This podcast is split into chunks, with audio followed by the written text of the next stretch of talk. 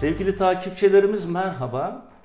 Ee, bugünden itibaren her hafta YouTube ve Podcast'te e, çarşamba günleri ilginizi çekeceğini düşündüğümüz bir konuyla karşınızda olacağız. Ben Fatih Poçan. Ben Eren Göker. Bazen sohbet edeceğiz, bazen dertleşeceğiz. Ee, bugün modern zamanların en büyük problemlerinden biri olan e, stresten bahsedeceğiz. Stres nedir? Çeşitleri nedir? Nasıl belirtilerle ortaya çıkar? Yenilir mi, içilir mi, iyi midir, kötü müdür, yönetilebilir mi, yönetilirse ne olur, yönetilemezse başımıza neler gelir? Bunlardan biraz bahsedeceğiz. Ee, Eren Hocam müsaade edersen önce ben stresi bir anlatayım. Tabii ki harika olur. Ee, bir tanımını yapayım, oradan bir bakış açısı koyayım ortaya, oradan ilerleyelim. Olur olur olur harika olur.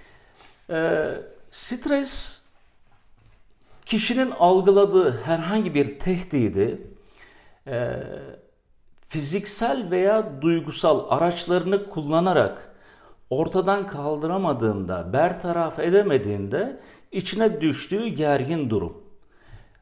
Bu pek çok zaman günlük yaşantısını olumsuz da etkileyebiliyor. Ee, bir tehdit algıladığımız zaman sinir sistemimiz stres hormonu e, salgılıyor. Buna kortizol, Kortizol, deniyor. evet. Kortizol önce kalp üzerinde etki yapıyor. Kalbi çok hızlı çarpmaya başlatıyor.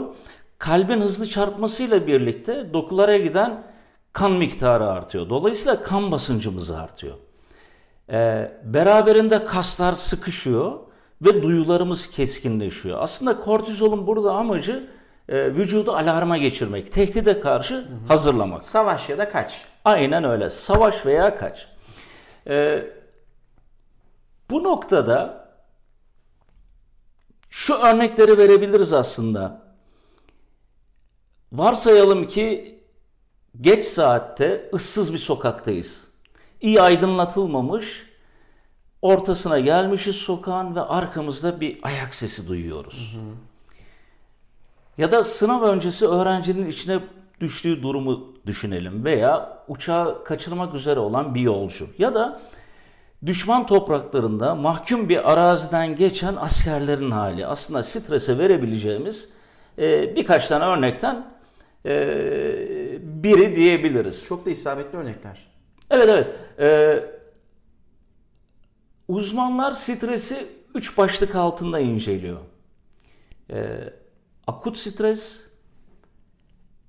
epizodik akut stres ve kronik stres olmak üzere üçe ayırmışlar. Ee, burada tıp bilmenin sahasına girmek istemiyorum. Uzmanların yerine de konuşmak elbette istemiyorum ama yaşamış olduğumuz stresin eğer tanımını yapabilirsek, onun farkına varabilirsek, e, çözüm yöntemlerini de ona göre bulacağımız için önem arz ediyor. Akut stres aslında hepimizin her gün, her an yaşadığı stres. Yani burada buluşabilmek için işte biraz önce yollara çıktık. Trafik sıkışıktı ben gelirken. Kısa bir süre stres yaşadım. Acaba vaat ettiğim saatte gidebilecek miyim diye. Veya biraz önce söylediğim gibi sınav öncesi öğrenci. Efendime söyleyeyim konser öncesi sanatçı. Veya çok önemli bir sunum öncesi bir iş görenin içinde bulunduğu duygusal hal akut stresle e, açıklanabilir aslında. Küçük dozlarla yaşandığında, yönetilebildiğinde akut stresin heyecanı yükseltmek hatta başarıyı arttırmak gibi bir özelliği var. Ama altını çiziyorum yönetilebildiğinde. Çünkü yönetilemediğinde ikinci kademeye geçiyoruz. Yani epizodik stresi yaşamaya başlıyoruz. Bazı insanlar çevremizde görmüşüzdür onları stresini yönetemez. Yani öğrencidir sürekli bir sınav kaygısı stresi yaşar. Ee, sporcudur antrenmanlarda Türkiye rekoru atarken müsabakaya çıktığı zaman diskalifiye olduğunu görürsünüz. Geçen oğlumla sohbet ediyorum. Bana dedi ki, baba dedi sınava girmeden önce biliyorsun deneme sınavlarına giriyorlar işte e, lise sınavına hazırlık kapsamında sınava girmeden önce dedi sanki dedi hiçbir şey öğrenmemişim. Zihnimde hiçbir şey yokmuş gibi heyecanlanıyorum dedi. Çok güzel ifade etmiş. Aslında söylemesi gereken stres. Heyecanlanıyorum dedi. E dedim sonra ne oluyor? Ama dedi ilk soruyu çözdükten sonra dedi bütün bilgiler geri geliyor dedi.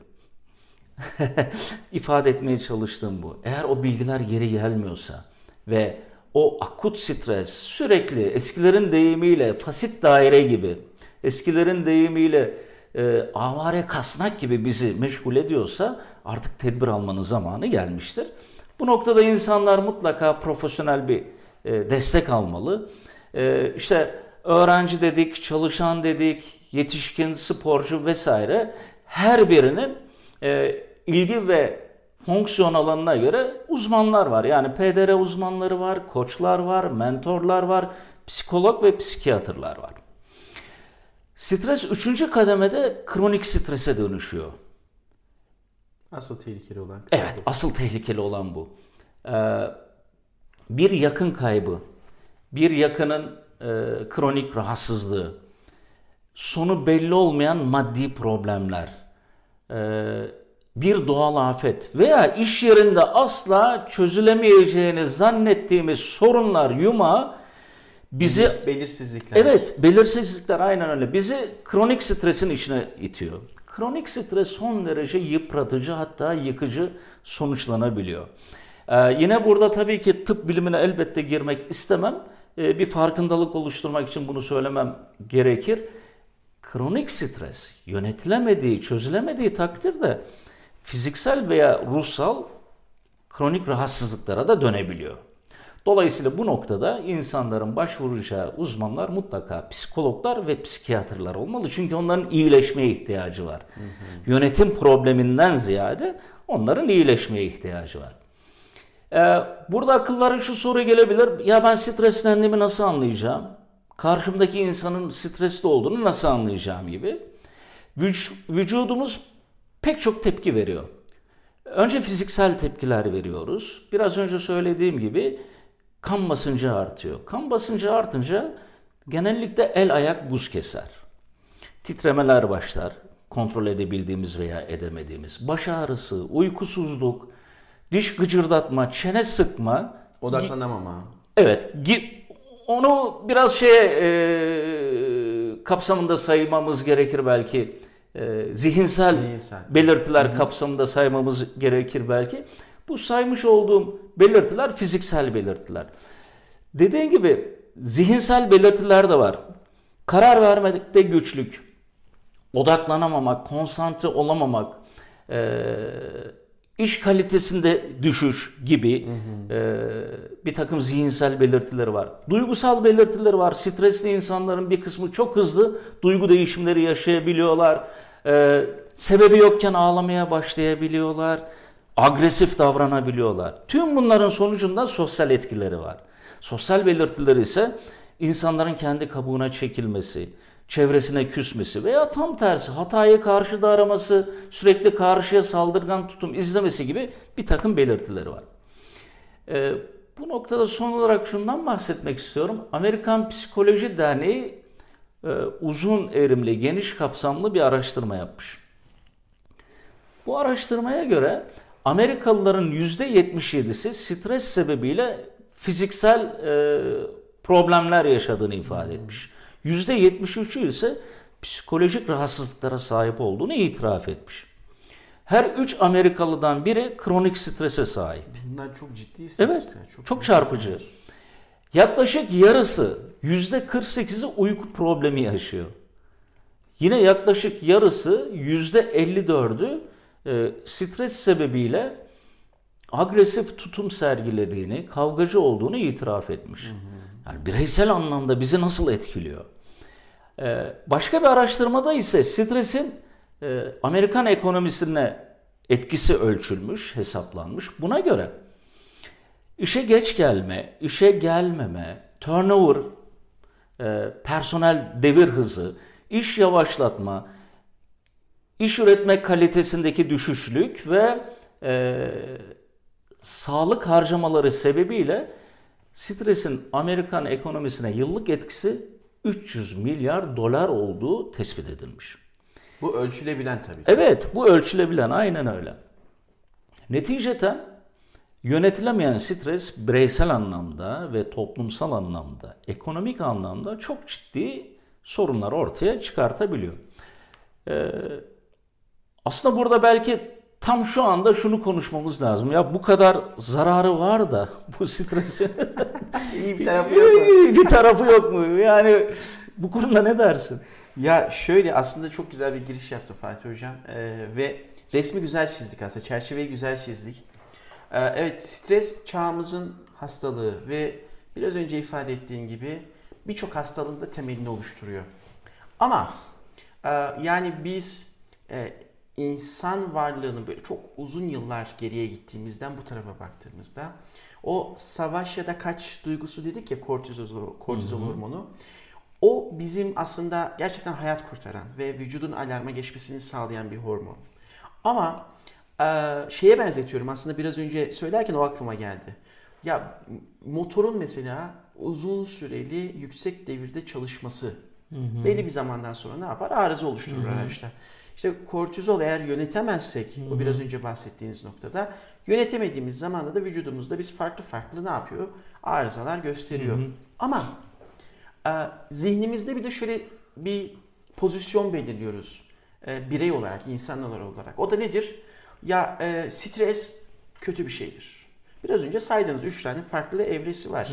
Ve e, yönetilebilen stres hakikaten insanın e, hayatta ulaşmak istediği hedeflere, elde etmek istediği e, kişisel tatmine, ortaya koymak istediği artık katma değere e, ve belki de eğer hayatın anlamını bulmuş ise ve bu hayatın anlamına tutunma noktasında e, hayatın tabiri caizse dibini sıyırarak yaşamak, hakkını vererek yaşamak için de aslında bulunmaz bir nimet.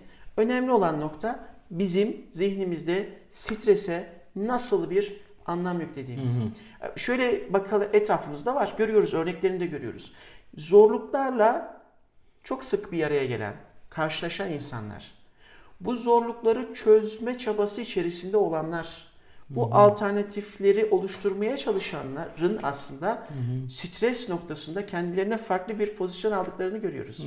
Şimdi normal şartlarda stres tamamen kötü bir şey olsa e, bu insanların e, hem hayatlarını daha kısa yaşayabilmeleri hem de çok çok çok farklı e, hastalıklarla bir arada olmaları gerekiyor. Yok mudur? İlla ki vardır ama ne oluyor? Pozisyon alıyoruz. İnsanın en güzel özelliklerinden bir tanesi. Hem fiziksel hem zihinsel ve ruhsal. En önemli özelliği bence alışabilmesi. Bu, bu çok önemli bir nimet aslında bizim için. İşte stresi biz hakikaten faydasını görebilmek, o zorluğun içerisinde, o zorluğu çözme mücadelesi içerisinde, o zorluğu çözme mücadelesini gösterirken çeşitli alternatifler oluşturma, o düşünce yeteneğimizi geliştirme ve bunların hepsini yaparken de o tatlı stresi bizim e, hissetmemiz bizim aslında hem de yaptığımız işten de acayip keyif almamızı sağlayacak. Hı hı. Şimdi e, güzel bir yolculuğa başladık. Gri mevzular. Hı hı. Bu gri mevzuları böyle renkli bir sohbetle değerli takipçilerimizle buluşma fikri bende inanılmaz bir heyecan oluşturdu. Ama bu heyecanla birlikte de bir stres de hissediyorum. Bugün hı hı. hazırlanırken, öncesinde konumuza hazırlanırken, hı hı. buraya gelirken hatta şu işte ambiyansı, dekoru oluştururken hı hı. ama bu ne yapıyor? İnsanı diri tutuyor. Hı. Aynı zamanda diri tutmasıyla birlikte yaptığı işten keyif almasını da sağlıyor. E, şöyle lütfen bakalım yakın geçmişimize bakalım. Siyasi tarihe bakalım. Siyasete girmeyeceğiz tabii ki. Ama siyasetle uğraşan liderlere baktığımız zaman ya onların başlarına herhangi bir e, dışarıdan kaynaklı bir problem gelmediği sürece uzun yıllar yaşadıklarını görüyoruz ve genelde de sağlıklı olduklarını görüyoruz. Ya peki ülke meseleleriyle ilgilenirken mesela stres yaşamıyorlar mı? Bir korku ya da kaygı yaşamıyorlar mı? Hatta bunu daha had safhada yaşıyorlar ama diri tutuyor. Hı hı. Ve o diri tutma durumu vücudun da aynı zamanda reaksiyon göstermesini sağlıyor. O Hocam, yüzden çok özür dilerim. Aklıma bir şey geldi. Lütfen. Sen bunu söylerken istakozlar nasıl büyür biliyor musun? Harika. Paylaşır mısınız? o hikayeye bayılıyorum. Evet. Ee, yani kısaca izleyicilerimize ben ifade edeyim. İstakoz belli bir müddet büyür ama kabuğu buna uyum sağlayamaz. Kabuk sabit kalır. Sıkışır. İstakoz bir süre sonra kabuğuna sığamamaya başlar ve müthiş bir gerilim önce, daha sonra baskı hissetmeye başlar. Eğer büyümeyi durdurma kararı verirse Bitiyor. böyle bir şey tabi tabiatı itibariyle yok da verseydi onun bir öz karar yeteneği olsaydı artık büyüyemeyecekti. Fakat o kabuğu kırar ve atar ve yeni bir kabuk oluşturmaya başlar. Bunu yapabildiği sürece de istakoz sürekli büyür. Yani aslında zorluklar onu geliştirir. Kesinlikle. Zorlukların bu tür güzel noktaları var. Ee, Sinan Canan Hoca'nın e, İnsanın Fabrika Ayarları isimli son 3 seriden oluşan bir şeyi var. Ee, kitap çalışması var. Bu arada değerli takipçilerimize de yeri gelmişken paylaşalım. Orada ikinci ciltte e, insan ilişkileri ve stresi inceliyor ve orada bir araştırmadan bahsediyor. Çok enteresan. Bu sefer faydasından bahsetmeyeceğim ama değerli takipçilerimizin dikkatini başka bir noktaya çekmek istiyorum. Ee, yapılan bir araştırmada şöyle bir şey ortaya konmuş. Kendilerini ifade etmekte zorlanan insanların, e, o ortamı bulamayan insanların erken yaşta ani kalp krizi geçirerek ölme riskleri fazlaymış. Evet. Şimdi buradan nereye geleceğim? Hani e, işte hocam sen de öğrencilerle bir aradasın, ben de bir aradayım. Özellikle üniversitede okuyan öğrencilerimize baktığımızda hani e, ölüm korkusundan sonra en büyük heyecan ve stres kaynağı aslında sahnede konuşmak ya da bir topluluğun içerisinde bildiğin bir şeyi doğru bir şekilde ifade edebilme düşüncesi. Ben şimdi ilkokul çağına dönüyorum. Ee, izleyicilerimizden de e, bu duyguyu yaşayanlar vardır. Ya e, öğretmenimiz bir soru sorardı Fatih Hocam. Biliyorum bu sorunun cevabını. Ya ama elimi kaldırıp cevap, Cevap verme düşüncesi öğrencilerin çoğu bunu yaşıyor. Ya eğer işte cevap verirsem gülecekler mi? Komik duruma düşecek miyim? Yanlış ya. Bakın zihin hep bu oyunları oynuyor ve işte o Evet. stres başlıyor. Evet, kan evet, basıncı evet, artıyor. evet, evet, evet. Ve ben mesela tam böyle heyecanımı toplayıp elimi kaldıracağım anda başka bir arkadaşıma söz verirdi hocam. Ondan sonra söyleyeceğim içimde kalırdı. Yani belki şu anda kilolu olmamın uzun yıllardır sebebi bu. O zamanlarda söyleyemeyip içimde biriktirdiklerim olabilir. İşin latifesi bir tarafa. Ee, ne oluyor? Bakın orada aslında stresi o dönemlerde bu bilince sahip olmuş olsaydım ben Evet. ki işte bu yayınların sebebi de şu anda bizi lise çağında, ortaokulda, üniversitede izleyen gençler. Hayat aslında tadını çıkartabileceğimiz, doğru adımları atıp hataların da farkına varabileceğimiz çok önemli bir aslında sahne. Ve e, deneyerek yanlışı, deneyerek farklı şeyleri görebiliriz. İşte o stres, faydalı stres, o heyecanı içimizde barındırıyor ve bu fırsatları kaçırmamalıyız. Ya yanlış olabilir. Belki söyleyeceğim insanlara komik de gelebilir. Ama ne olacak? Yani günün sonunda bu en kötü ihtimal ne olur ki gibi düşünüp oradaki o heyecanı, stresi, faydalı stresi etkin hale getirmek, kendimizi iyi bir şekilde ifade edebilmek, o zorlukla yüzleşebilmek, zorluğun aslında bize kazandırdıklarını çok uzun zaman sonra değil de şimdilerde, o anlarda, yakın zaman içerisinde fark edebilmek çok önemli. Dediğim gibi en faydalı tarafı yönetebildiğimizde ve farkına vardığımızda insanı diri tutması. Mesela toparlıyorum hemen. Üretkenlik. Üretmeyen insanlara baktığımızda hani rutin diyoruz. Rutinin bir de e, madalyonun öbür tarafı da var. Fakat bahsettiğim rutin olumsuz bir rutin. Bu da önemli bir stres kaynağı. Evet. Her gün aynı şeyleri Alışkanlıklar. yapmak. Evet alışkanlıklar. İş yerine her gün aynı yoldan gitmek, aynı hareketlerde Aynı bulunmak, müzikleri dinlemek. aynı müzikleri dinlemek, çok fazla farklı şeyler yapmamak. Ne yapıyor insanda aslında bir amacının olmaması. Kendine bir sınır çiziyorsun. Kesinlikle. Önüne bariyer O koyuyorsun. fasit daire demiştik Aha, ya. aha. Onun içerisinde dönüyorsun ve belli bir zamandan sonra hani dedik ya alışkan alışıyoruz. Buna alıştığın zamandan itibaren doğal bir hale geliyor. En kötü yanı o alışkanlıkların bir konfor alanı yaratması. Evet. Hayatımızı da o konfor alanının içinde e, bina etmeye başlıyoruz. Alışkanlıklarımız oh mis gibi sabah kalkarım kahvemi içerim. İşte ne bileyim şu müziği dinlerim ondan sonra bilgisayarımı açarım. Neyse bakıyorsunuz her günü eşit insanın. Evet.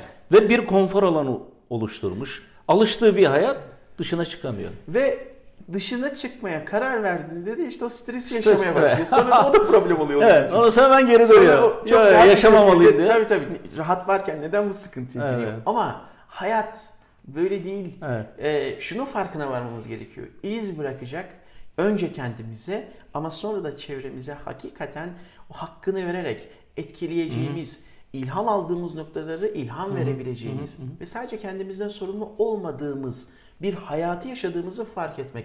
Ha bunun karşılığında ne gelecek? Stres mi yaşayacağım? Ya evet yaşayabilmeliyim.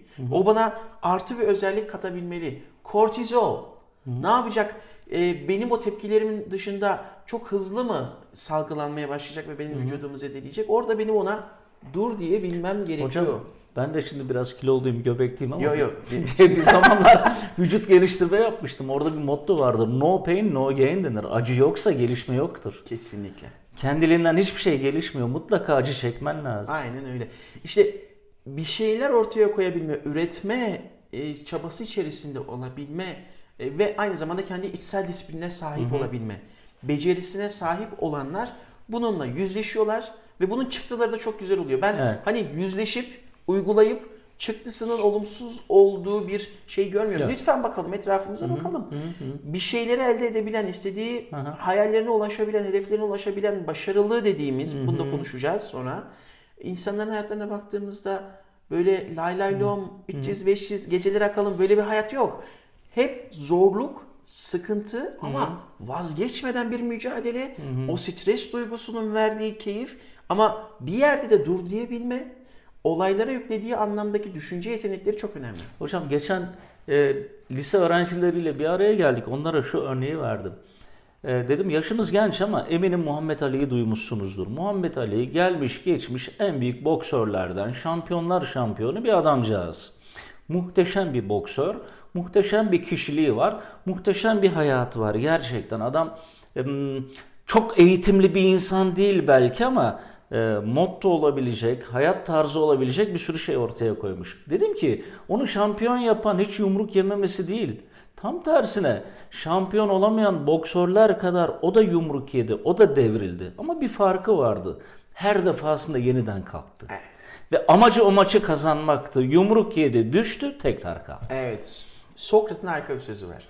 Başarısızlık yere düşmek değildir, yerden kalkmamaktır. Kalkamamaktır, Ve kalkmamaktır. kalkmamaktır, Evet. kalkamamaktır. Evrim Kur'an'ın yine hayatla ilgili harika bir tanım var. O geldi aklıma. Diyor ki 7 defa düşeceğiz, 8 defa Evet, kalkacağız. evet. Biz buna hayat diyoruz. Evet. O yüzden eee, ya bununla mücadele etmektense hayata karşı değil de, hayata rağmen değil de, hayatla birlikte Hmm. Evet, evet. onunla o e, ritmi tutturabilmek işte o güzel o stres insanı çok diri tutar, çok da Uyumlanmak. keyiflenir ve uyumlanmak olur. Şimdi yönetmekten bahsediyoruz ya Fatih Hocam. Peki e, dile kolay tabii. Değil mi? Yani insanın kendisini yönetebilmesi, hayatını yönetebilmesi, zamanı Evet, evet. yönetebilmesi bunlar dile kolay geliyor ama hakikaten zor şeyler. Evet. Peki stresi sen yönetebiliyor musun? Nasıl aran? Aa ben hiç stres yaşamıyorum dermişim. Böyle bir şey mümkün değil tabii hocam. Ee, ya stresi yönetmek gerçekten zor. Bir defa bunu kabul etmemiz lazım. Yani böyle kişisel gelişim kitaplarında efendim işte böyle programlarda aa yönetemiyor musun? Aa şöyle şöyle yapınca yönetirsin falan. Bu o kadar kolay değil. Bunu bir kabul Aynen etmemiz lazım. Gerçekçi Samimi olmamız de olmuyor. Evet. Samimi de olmuyor. Ve belki de o insanların hayatı incelendiği zaman en üst seviyede stresi yaşıyorlar ve belki çoğu zaman yönetemiyorlar. Ee, Çevremizde yönetemeyen insanlar var. Benim de elbette yönetemediğim dönemler oldu. Şu an bile yönetemediğim anlar, zamanlar var. Gerçekçi olalım. Çünkü bu yönetilmesi o kadar kolay bir şey olsaydı bugün bunu konuşuyor olmazdık. Stres yönetimi deyince aslında çok basit e, rahatlama seanslarından e, çok derin klinik terapilere kadar geniş bir skalada pek çok yöntem var. E,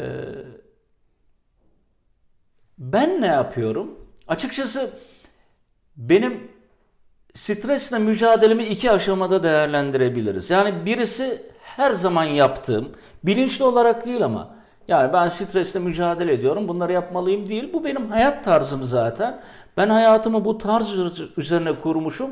Bu da bir kısım stres e, ajanlarını benden uzak tutuyor. Nedir bunlar? Bir, ben bir defa beklentilerimi yüksek tutmam. Hı hı. 22 yaşındaydım. 2000 Rakımlı Tepe'de yaş ortalaması 21 olan 19 tane gençle benim yaşıtlarımla aylarca kaldım. 2 metre karı da gördüm. İşte 45 derece sıcaklığı da gördüm. O yaşta müthiş o yaşta. bir deneyim, müthiş bir deneyim. O zaman o şartlarda koşulsuz güvenmeyi öğrendim insanlara. Koşulsuz güvenmeyi, arkamı onlara emanet etmeyi öğrendim. Ne kadar kıymetli bir şey. Aynı zamanda insanlardan hiçbir şey beklememeyi de öğrendim. Onlara o kadar güvendim ama aynı zamanda hiçbir şey beklememeyi Çok de öğrendim. Enteresan. Şimdi insanlardan bir şey beklemeyince ne oluyor? İnsanlardan beklediklerim sebebiyle ben hayal kırıklığına uğramıyorum. Yani beni insanlar eliyle hiç kimse hayal kırıklığına uğratamaz çünkü bir beklentim yok. Bu hayata küsmüşlükle kesinlikle ilgisi yok. Yani bir, birisi bir bardak su verirse teşekkür eder, alır, içer ve onun bir kazanım olduğunu düşünürüm o gün için. Vermezse üzerinde durma.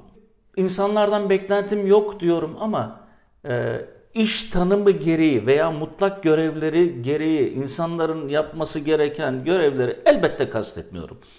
Elbette Belki gerek insani anlamda Evet evet gerek kurumsal hayatta gerekse aile hayatında herkes üzerine düşen görevi yapmalı. Benim de vazifelerim var. Oğlumun da, kızımın da, eşimin de gibi. Ama bunun dışında ekstra bir şey beklemiyorum. Beklentimi yüksek tutmuyorum. İkinci olarak e, ben stresten uzak dururum. Ne demek şimdi bu? Ya ben de stres oluşturacak insanlardan, olaylardan, mekanlardan mümkün olduğunca uzak dururum. Birisi bana iyi gelmiyorsa, beni aşağıya çekiyorsa selam verir ve geçerim.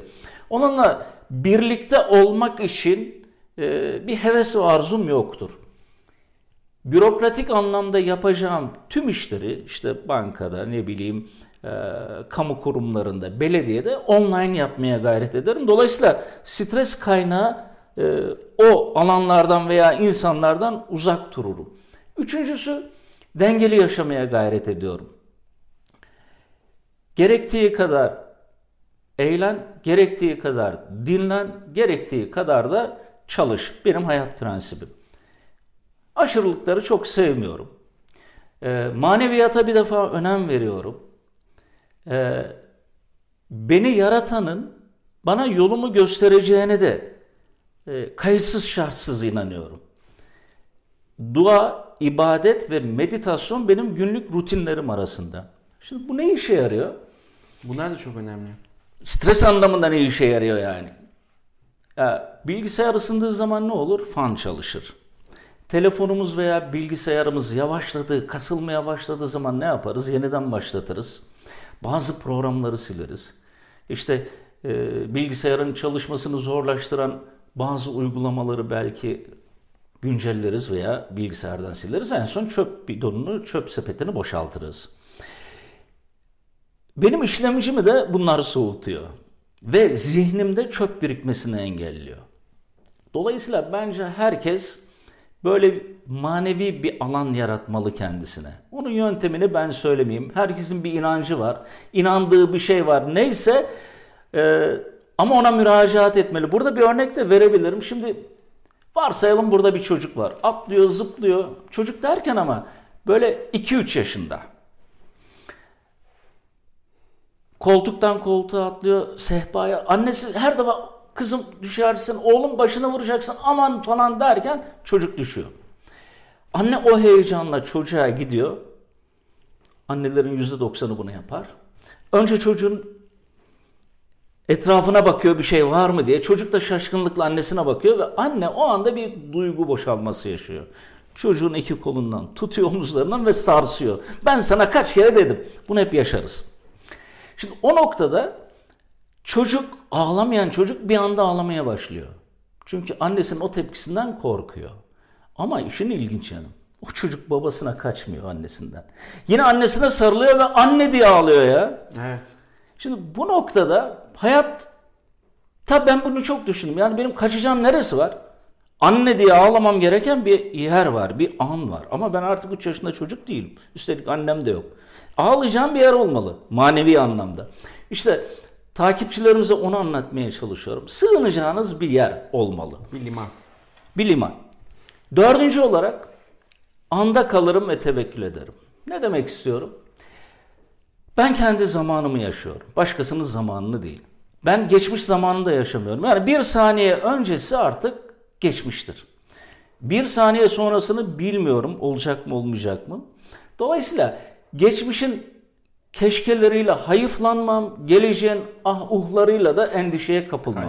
Anı yaşarım. Şu an o kadar güzel bir an ki biraz önceki olumsuzluk veya biraz sonraki endişeler benim zihnimde yok.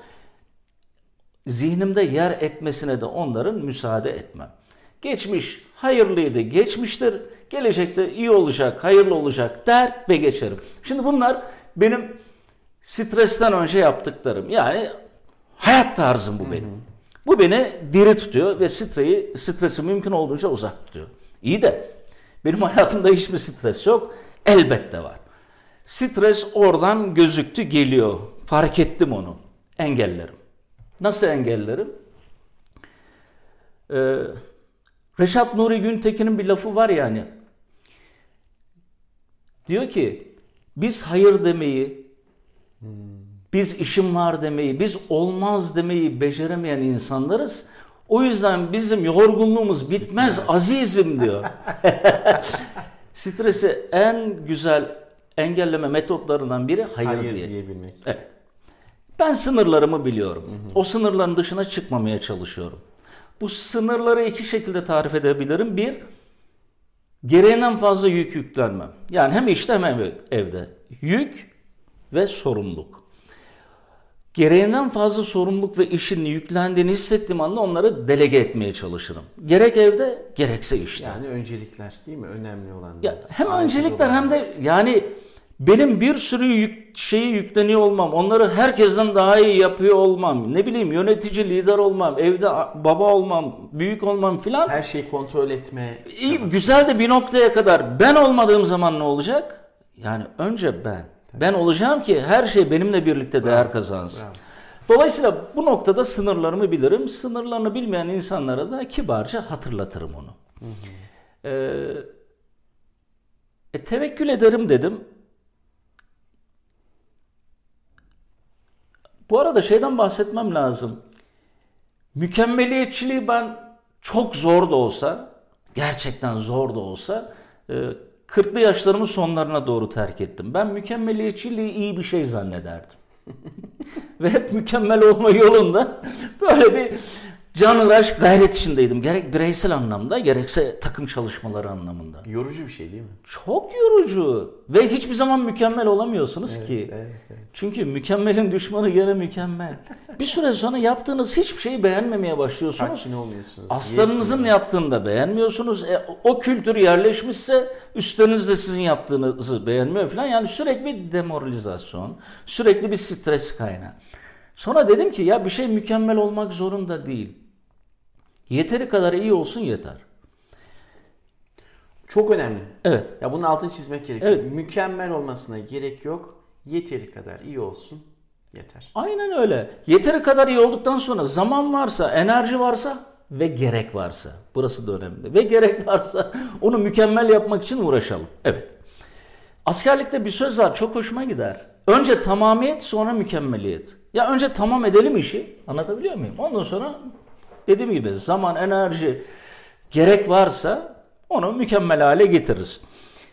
Şimdi engellerim dedim. İyi de bütün stresi ben engelleyemem elbette yani. Öyle bir şey mümkün değil pratikte. Stres artık yakama yapışmışsa biraz önce dedin ya uyumlanmaya çalışırım. Ee, Michigan Üniversitesi bilimsel bir araştırma yapmış. Bu araştırma sonucunda çıkan sonuç şu. Nesnel çevrenin insanlar üzerinde oluşturduğu stresin aslında insanların düşünce tarzından kaynaklandığını öğrenmiş. Başka bir ifadeyle stres çevreden ziyade insanların o çevreye yüklediği anlamla ilgili. Şampiyon sporcuları düşün. Sporcuların genelde en iyi derecelerini resmi müsabakalarda yaptığını biliyor musun? Duydum. Evet. Evet, evet, evet. Sporcular ezici üstünlükle en iyi derecelerini, rekorlarını resmi müsabakalarda yaparlar. Çanakkale Deniz Muharebeleri. Seyit Onbaşı tam 215 kiloluk mermiyi alıyor, tek başına kaldırıyor ve topun atım yatağına sürüyor. Yalnızca birkaç sene sonra aynı işi yapmasını söylüyorlar. Top mermisini yerinden bile kıpırdatamıyor. Şimdi burada aslında her iki tarafında sporcunun da Seyit Onbaşı'nın da bulunduğu o çevreyle uyumlandığını görüyoruz. Yani strese yenik düşmek yerine uyumlanmaktan bahsediyorum. Bir yaprak düşünelim. Akarsuya düşmüş. Yaprak akarsuya karşı koymaz. Onunla birlikte. Onunla yavaş. birlikte hareket eder. Onun enerjisiyle birlikte hareket eder. İşte bu noktada artık şeyi kabullenmek lazım. Ee, stresi kabullenmek lazım. Benim kuşağım genelde e, şeyle yetişmiştir. Nietzsche, Kafka gibi e, yazarlarla, filozoflarla e, yetişmiştir. Nietzsche'nin acıyla ilgili bir sürü sözü, mottosu vardır. Bunlardan biri çok bilinir zaten. Hatta Conan filminde de geçer bu. Barbar Conan'da. Öldürmeyen acı Güçlendirir. güçlendirir der. Dolayısıyla ben engelleyememişsem bir stresi kendime şunu telkin ederim. Fatih sabırlı ol. Biraz sonra geçecek. Birkaç dakika sonra geçecek. Ama geçtiğinde sen oyunu kuralına göre oynarsan daha iyi bir Fatih, daha gelişmiş bir Fatih olarak bu oyundan çıkacaksın diye düşünürüm. Son olarak hocam stres geldi. Engelleyemedim, uyumlandım ama hala yakamı bırakmadı. Ha, o zaman da teslimiyet. kabul edeceksin. Karşı koymanın anlamı yok. Kabul edeceksin. Ama nasıl kabul edeceksin? Şöyle kabul edeceksin. Diyeceksin ki, derim ki, ya ben bu dünyaya zaten telaşa çekmeye geldim. Dostum sakin ol, şampiyon. Orada bir dur, bir derin nefes al. Tepkilerine dikkat et. Özellikle öfke anlarında. Evet. Sakın konuşma derim. Fatih sakın şu anda konuşma. Göz göze gelme. Başka yere bak. Açık havadaysan ufka bak. O ortamı terk edebilirsem eğer o mümkünse terk ederim bir elimi yüzümü yıkarım. Terk edemezsem ayaktaysam oturur. Ve soru sorulsa bile cevap vermem. Çünkü tonlamamda dahi orada bir sertlik bambaşka olaylara yol açabilir. Pişman olacağımız yerlere gidebilir. Ve nefesime odaklanırım. Ee, burada nefes dedim. Aslında ondan da bahsetmem lazım. Yani nefes bugün tıp dünyasında çok kabul gören bir terapi aracı olmaya başladı. Bununla ilgili bilimsel araştırmalar var. Nefes koçları var, nefes terapistleri var. Bin bir türlü nefes çeşidiyle insanların sorunlarına çözüm bulmaya çalışıyorlar. Ben stresli anlarımda özellikle sufi nefesini çok sıklıkla kullanırım. Nedir bu sufi nefesi? Hani haydan geldik huya gidiyoruz diye bir laf vardır ya. Evet, evet. Bu aslında Yanlış. Hah, bravo. Yanlış bilmiyorum. Ya gereksiz işler gereksiz yollarda harcanır gibi filan bir anlam temeline oturmuş toplumumuzda. Hem vurgusu itibariyle hem de anlamı itibariyle yanlıştır. Biz haydan gelip hu'ya gidiyoruz. Allah'tan gelip Allah'a Evet. gidiyoruz. Hay ve hu Allah'ın isimleridir. Dolayısıyla ondan geldik ona gideceğiz. Şimdi sufi nefesi de bu temel üzerine kurulmuş. Yani önce nefes alırsınız. Bilmiyorum izleyiciler duyabildi mi bu sesi. Sonra 4-5 saniye tutarsınız onu içinizde. İşte bu anda kendime şunu telkin ederim. Fatih konuşma. Fatih gözüne bakma. Fatih sakin ol. Fatih nefesine odaklan. Fatih sen zor zamanların adamısın. Fatih sen daha zor şeyler yaşadın. Bu ne ki? Sabret. Bir dakika sonra geçecek. Bir gün sonra geçecek. Sonra nefesimi veririm.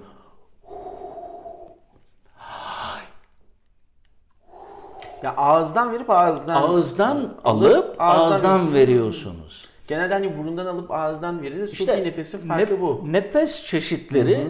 çeşitli odak noktalarına göre farklılanıyor. Yani 7 saniyede alıyorsun, 4 saniye tutuyorsun, 8 saniye var bunun çeşitleri. Sufi nefesinde ise mümkün olduğunca ağızdan bol nefes alıyorsun ve bu arada sesini çıkartıyorsun. İster istemez gayri ihtiyari çıkıyor zaten o. Vücuda, vücuda bol oksijen çekiyorsun. Bunu şöyle örneklendirebilirim. çok iyiymiş. Evet. Ya Ben yeni İnsan niye esner? düşünmedim ya. Oksijensiz kaldığı için. Yani sadece uykusu geldiği için değil. Havasız bir ortamda insanların daha fazla esnediğini görürsün. İnsan esnerken nereden nefes alır? Ağızdan. Ağızdan. Çünkü ağızdan birim zamanda çok daha fazla hava çekebilirsiniz, oksijen çekebilirsiniz de o yüzden. Bunu 4-5 saniye tutup tekrar sıcak bir şekilde sesiyle verirsiniz. Ben bunu 3 kere yaparım, 4 kere yaparım. Fiziksel anlamda çok rahatlarım, manevi anlamda da bir şeylerin beni okşadığını, kuşattığını hissederim. Dolayısıyla yani bu noktadan sonra gerçekten tüm bu saydığım şeylerden sonra hala stres varsa artık yapacak bir şey yok. Harika. Benim yönetim tarzım bu. Harika. Çok güzel. Tabi burada izleyicilerimize de sormamız gerekir. Eğer sizin kullandığınız yöntemler varsa lütfen aşağıya yorum olarak yazın bunu. Çok merak ederiz biz de. Hı hı. Harika. Yani e, şeyi sufi nefes evet çok güzel bir yöntem. Konuşmanın arasında hocam hani bu hayır demekten bahsettik. ya. Evet. Ya oraya ufak bir parantez açmak istiyorum. Tabii ki. Ee, öğrenilmesi gereken önemli yeteneklerden bir tanesi ve hayır dediğimizde temelinde bencillik ya da egoistlik yok. Kişiye hayır demiyoruz. Hı hı. Kişinin bize bizden olan talebine hayır diyoruz. Evet. Yani bu taleplere bakıp çünkü kazan kazan var. Sürekli veren tarafta olduğunuz sürece o tükenmişliği yaşarsınız ve sorgulamaya başlarsınız. Evet. O beklenti hali insanı o stres noktasına doğru getirir. O yüzden kişinin kendisine değil, kişinin bizden talep etmiş olduğu, ortaya koymuş olduğu talebine aslında Hı hı. biz hayır diyoruz. Hayır demeyi öğrenmemiz gerekiyor. Evet. Çok önemli. Evet. Diyemediğimiz sürece kendi yaşantımızı Evet. değil, başkalarının hayır diyemediğimiz insanların yaşantısını yaşamaya Hı hı. başlarız. E bu da en önemli stres kaynaklarından Maalesef. bir tanesi. Üzülerek gözlemliyorum ki hayır demeye karar veren ve bunu uygulayan insanlara genel itibariyle baktığımda hakikaten artık son noktaya geldikten sonra hayır demeye başlıyorlar Belki ama de iş işten geçtikten ben- sonra. evet ama o zamana kadar yaşanan Hı hı. her şey bir Hı iz bırakıyor. Ee, ve acı deneyimleri yaşıyoruz. O yüzden bunu deneyimlemek gerekir. Kas gibi üzerine çalışmak gerekir. Doğru zamanda doğru şeylere de hayır diyebilmek. Yani evet ben bir karar aldım. Hayır hayır hayır hayır hayır demektense doğru zamanda doğru taleplere, doğru şeylere hayır diyebilme kabiliyeti önemli. Hocam tabii bu mekanik bir hayır değil ya. Tabii. Yani burada üsluba dikkat etmek Tabii. lazım. Ya Eren hocam bu talebine ben maalesef hayır demek zorundayım. Çünkü onun gerekçesini güzelce söyleyince zaten yani insanların büyük çoğunluğu hak verecektir. Yani burada izleyicilerimiz hayırın çok mekanik bir şey olduğunu zannetmesin. Bir üslupla bu rahatlıkla söylenebilir. Ee, ya biraz önce dedim ki benim hayat tarzımın stresi önleme yöntemlerimin başında beklentiyi e, yüksek tutmamak hatta mümkünse sıfır beklentiyle insanlarla ilişkiyi devam ettirmek var dedim. Bunu aslında biraz açmalıyız bence hocam. Yani beklentiyle stres arasındaki ilişki nedir sence? Beklentiyle stres arasında gerçekten bir e, pozitif ilişki var mı acaba? Ee, Ben olduğunu düşünüyorum. Şundan dolayı beklenti bir insanın kendisine yaşatabileceği e, en önemli e, sıkıntılardan bir tanesi. O zaten stresi de oluşturuyor.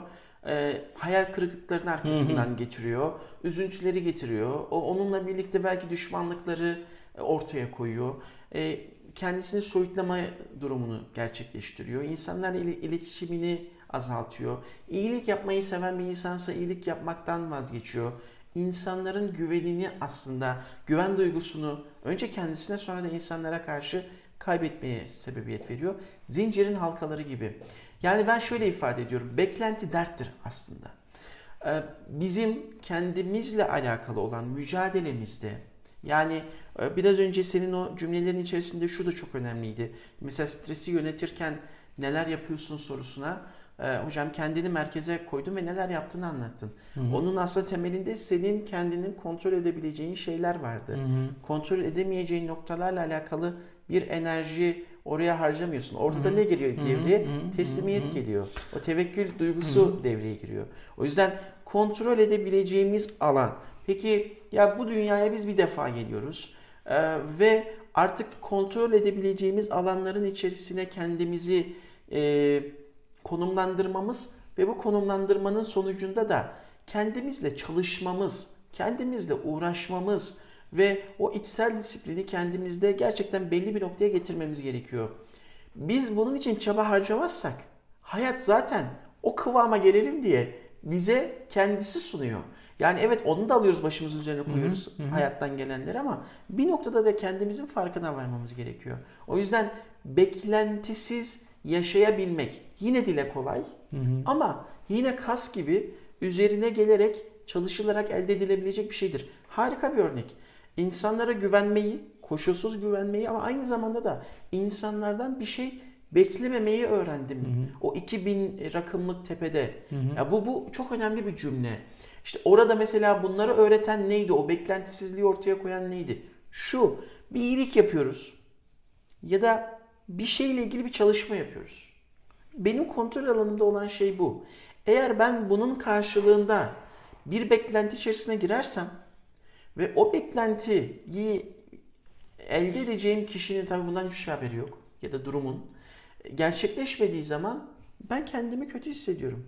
Ve karşıdaki kişinin haberi olmamasına rağmen ona karşı kendi içimde kötü duygular beslemeye çalışıyorum. E, toplumumuzun içerisinde görüyoruz. Örneğin birisiyle tanışıyoruz sosyal ortamda. Sonra ne iş yaptığını öğreniyoruz. Hı hı. E, hangi işte title'ına bakıyoruz, sosyal statüsüne bakıyoruz ve direkt bilinçaltı devreye giriyor ve diyor ki ya bununla ilişkini iyi tut. Hı hı. Şu anda sen buna bir yardım et. Yarın bir gün senin de ona işin düşer. Hı hı. Ve sen de ondan faydalanırsın düşüncesi devreye giriyor. Yarın bir gün hayat bu çünkü. İşin düşüyor ama karşıdaki kişi hayır demeyi bilen, evet. hayatta beklentisini uzun zamandır bırakmış, hı hı. kendi e, kişiliğini inşa etmiş bir insan. E sonra ne yapıyorsun? Geliyorsun kendine. Hayal kırıklığı. Küsüyorsun diyorsun ki ya bak ben onun istediğini yaptım görüyor musun? Biz bir şey istedik bir şey yapmadı. Bundan sonra yok. İnsanlık ölmüş. Hı-hı. Şöyle olmuş, Hı-hı. böyle olmuş. Güvenmeyeceksin zaten. Tırnağın varsa başını kendi buna kesinlikle katılıyorum. Tırnağın varsa başını tabii ki kendin kaşıyacaksın ama tek başına Hı-hı. da hiçbir şey başaramazsın. Evet. Biz sosyal bir varlığız. Hı-hı. O yüzden insanların bırakalım başımıza gelenlerle alakalı insanları suçlamayı. Bırakalım kurban rolünden çıkalım artık. O Hı-hı. kurban rolü beklenti bir de o kurban rolü içerisine bizim e, bürünmemizi sağlıyor. Hı-hı. Çünkü neden? Bir sıkıntımız var, bir problemimiz var ve biz orada duruyoruz. Harekete geçmiyoruz, eyleme geçmiyoruz ve insanlar bunun farkına varsın düşüncesini e, sahip oluyoruz. Hı-hı. Anlasınlar diyoruz Hı-hı. ve gelsinler sıkıntım var ve bu insanlar bana bunu yardımcı olsun diyoruz. O kurban rolü içerisinde Hı-hı. kendimize bir pozisyon ortaya koyuyoruz ve kendi hayatımızı aslında kendi kendimize zedeliyoruz örseliyoruz. Bu kurban rolünden çıkmamız gerekiyor. Yani yine kişisel gelişim içerisinde klasik örneklerden bir tanesi gibi adlandırılır ama benim için çok önemlidir. Yumurta örneği var ya hocam. Evet. Yumurta içinden evet. kırıldığında içinden bir canlı çıkıyor. Evet. O yumurtayı dışından kırarsanız hayat son yani buluyor. hayat son buluyor ve siz onu pasta böreğe koyuyorsunuz Hı-hı. ve biz insanlar yiyoruz. O yüzden hakikaten o içten gelecek, Hı-hı. o içten disiplin, kendi Hı-hı. özümüze yaklaşabilme çabası. Uzaklaştık çünkü. Ve ne oluyor? Toplumun da baskısıyla ve gördüklerimizle hep bir beklenti içerisinde oluyoruz. Ve o beklentiler bize gerçekten dert oluyor. O yüzden bir şey yapıyorsak, bir şey üretiyorsak, mesela şu anda biz bu yayınları yapıyoruz değil mi? Sizin bu yayınlardan beklentiniz var mı? Sayın Hocam. Ee, yani maddi ve manevi anlamda hiçbir beklentim yok. Bu nasıl bir duygu peki? Ee, özgürlük. öz, harika bir duygu değil mi? Tabii ki. Harika bir duygu değil Elbette. mi? Yani işte bu. Tam anlatmak istediğimiz şey bu. Yani şu anda harika bir sohbet var. Evet. Ya ve biz bunu işte e, mecralara yükleyeceğiz. Ya sonra yeni bir konulara geçeceğiz. Ve ben şuna çok inanıyorum. Çok inanıyorum. Nasibi olanlar izleyecekler, dinleyecekler ve nasibi olanlarla biz buluşacağız. Evet. Sizin söylediğiniz bir kelimeden benim söylediğim bir kelimeden etkileşimler olacak. Onlar bize ama bunlar yani ya işte bu, bu işte şu kadar abone, şu kadar izlenme sayısı, Evet. şu olduğunda e, işte bir anda da o sayılar gelmediğinde ne olacak? Evet. ondan sonra diyeceğiz ki ya Fatih hocam ya zaman harcıyoruz. Ya bak ama izlenme sayıları da bunlar. Biz hiç bu işe girmeyelim. İşte bu da aslında iş hayatındaki beklentilerden bir tanesi. Her şey bir anda olmuyor. Her şey adım adım oluyor. Ve o adım adım ilerlerken sonuca değil, o beklentiye Evet. değil, sürece odaklanmak, süreç içerisindeki keyfe bakmak. Şu anda sizinle birlikteyiz, ifade ettiniz biraz önce. Yani şu anda biz o keyfi nasıl akışta olmak, o akışa kendimizi kaptırmak. Beklentiyi azaltırsak akışın tadını çıkartırız. Sürecin tadını çıkartırız.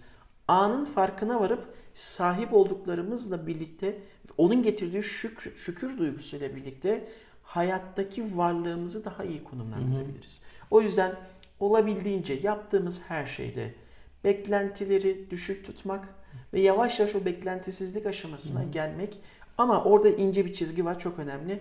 Umursamazlık değil. Bana ne cilik değil. Neme lazımcılık değil. Bana dokunmayan yılan bin yıl yaşasın düşüncesi değil. Sadece yapıyorum, ortaya koyuyorum, üretiyorum. Tamam, devam. Yaptım, ortaya koydum ve ürettim. İyilik yaptım. Evet, faydası oldu, tamam. Şükürler olsun. Devam. O beklentisizlikle alakalı konumlandırma çok önemli. Aksi takdirde stres, bahsettiğimiz olumsuz duygular, depresyon, düşmanca yaklaşımlar, işte kalp rahatsızlıkları, sohbetimizin başında saydığımız birçok fizyolojik aynı zamanda zihinsel ve ruhsal sıkıntıları beraberinde getirir diye düşünüyorum. Hocam aslında bu öyle bir derin konu ki e, tek bir programda üzerinde her şeyi konuşabileceğimiz Tabii, tabii. bir konu değil. Aslında biz bu programa stres 1 diyelim bence. Bence de. Çünkü bunun belki yalnızca iş dünyasına özel, e, profesyonel hayata özgü kısmını da Tabii. konuşmamız Biz şu gerekecek. anda genel bir çerçeve evet. çizdik aslında. Evet evet. Buna biz e, stres 1 diyelim ve devamını çekelim mutlaka. Tamam. E, zamanımız doldu sayılır. Evet. Ee, ha, güzel oldu. Evet. Ya ben iyi hissediyorum kendimi. Evet evet. Umarım e, izleyicilerimiz, dinleyicilerimiz, bize e, farklı kanaldan ulaşan e, takipçilerimiz de aynı keyfi almışlardır. Ben çok teşekkür ediyorum. Ben teşekkür ederim hocam. Ee, şöyle kısaca toparlarsak stresi, stresin bize kazandırdıklarını, aynı zamanda kaybettirdiklerini ve stresi yönetebilme noktasını konuştuk ama bununla birlikte de ben mesela konuşurken benim için de çok öğretici de bir program oldu. İşte bu, bu en güzel tarafı Etkileşim bu bu aslında. değil mi zaten? Ya kesinlikle yani kesinlikle o yüzden e, şu masadan kalktığımda kendi adıma söylüyorum. Oturduğum herhangi gibi kalkmıyorum. Önemli Evet, olan ne bu. güzel, ne Ee, güzel. dinleyicilerimiz, takipçilerimiz de dinlemeye başladıkları ve bitirdikleri anda umarım kendi farkındalıkları yaşamış olurlar. İnşallah. Çok teşekkür ediyoruz. Her hafta çarşamba günü farklı konularla birlikte sevgili Fatih Poçan'la birlikte sizlere kendimizce düşüncelerimizi aktarmak için çabamızı ortaya koyacağız. Lütfen takip edin. Yorumlarınızı lütfen bizlerle paylaşın. Abone olmayı da eğer bu sohbetlerden hoşlandıysanız abone olmayı da ihmal etmeyin. Sevgi ve sağlıcakla kalın. Hoşçakalın. Görüşmek üzere.